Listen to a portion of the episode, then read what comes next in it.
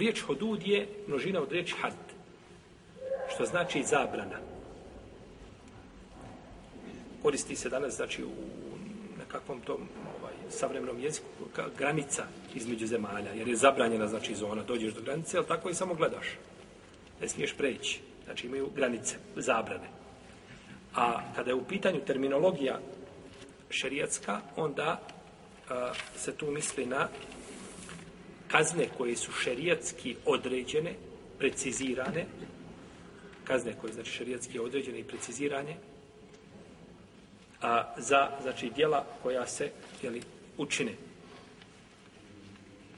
Bilo da se radi o Allahovom pravu ili da tu ima pravo i robova s time.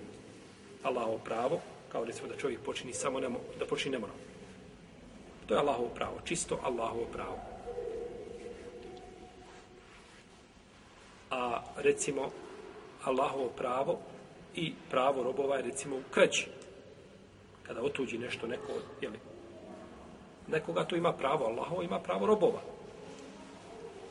Pa se, jeli, razlikuje. Ili da potvori musliman, muslimana.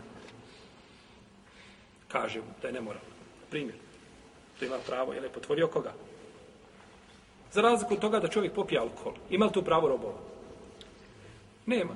To je čisto pravo. Znači, pravo robova je bilo u prvom slučaju spomenuli, ne mora ako bilo silovanje. Pa je, znači, bilo da se radi o ome ili o ome, znači, a, a, a, treba izvršiti, znači, šerijetsku kaznu.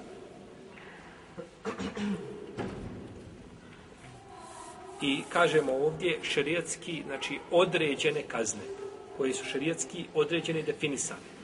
Znači ta kazna je definisana po svome obimu, kako će znači, biti izvršena i kakvu kaznu zaslužuje počinioc.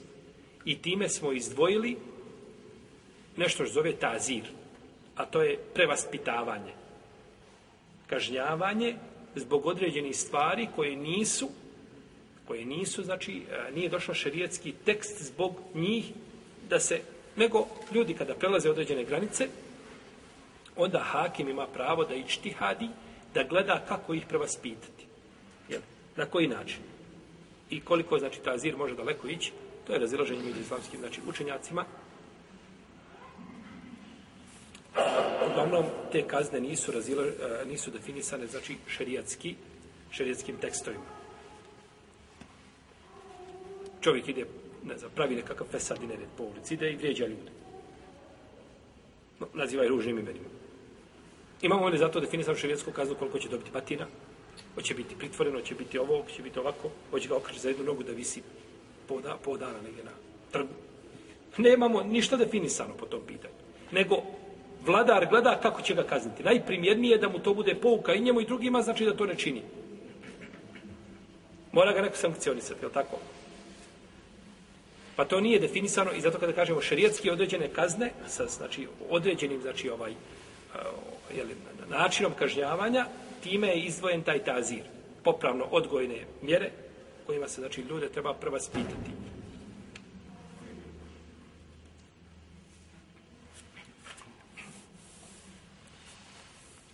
Pa ćemo mi znači govoriti o ovome našem znači poglavlju o tim znači kaznama koje su poznate, znači u knjigama kod fakiha, kako se, znači, ljudi trebaju kazniti zbog određenih grija.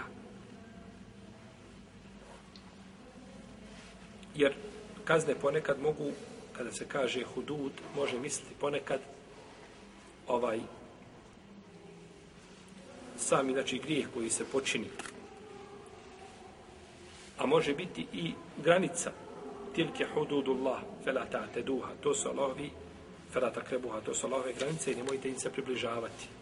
To su propisi znači koje Allah postavio nemojte im se približavati. A može ponekad označavati samu kaznu znači izvršenje jeli, kazne. I ove danas kazne one su danas uglavnom a, mrtvo slovo na papiru. Ono je živo zato što je to islamski propis, to će živjeti. Ali primjena tih kazni je danas belaj.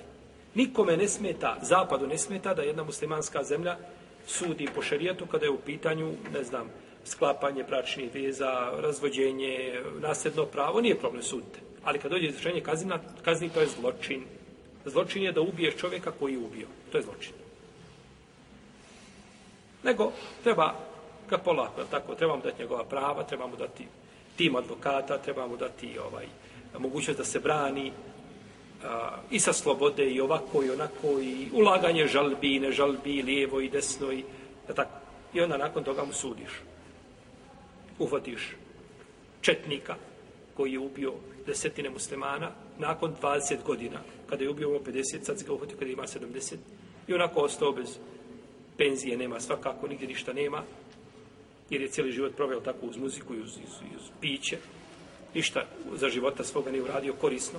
I nakon 70 godina, kad treba da, da, da, da, da se pati, da umire od gladi, ti ga uzmeš u zatvor i tamo ga držiš, jel tako, ovaj, 4, 5 ili 10 ili 15 godina osudiš, šta mu to odgovara? Da nikoga nije ubio, on bi se sam javio, rekao, možete nam uzeti, molim vas, ovaj, to će za mene biti nagrada, da živim u zatvoru, da imam jesti pit i da se o mene neko brine ako se razbolim, imam da se liječim u, u jel tako, zatvorskim bolnicama i sl. tome. I to je pravda Dunjaluka. Čovjek koji nekoga ubije, on najmanje što može biti, kaže, najmanje je da bude ubijen. I opet mu to nije kazna. Jer on je kriv, pa je ubijen kao kriv, on je ubio nevinu osobu. A da ne govorimo osobi koja umri, ubije jednog, des, petericu, destercu ili desetine ljudi i bude povodom da, da, da, da pogine desetine ljudi, za takvog nema kazne. Minimalno što se može uraditi jeste da, da, da, da se ljudi riješe njegovog zla. Ali to danas znači postao zločin na svijetu i kada se spomene izvršenje šerijetskih kazni, a, a, ovaj, ljudima se lede, ledi mi se krvu žilama, kao da je to nekakav zločin, kao da se poziva da se ubijaju nevini ljudi.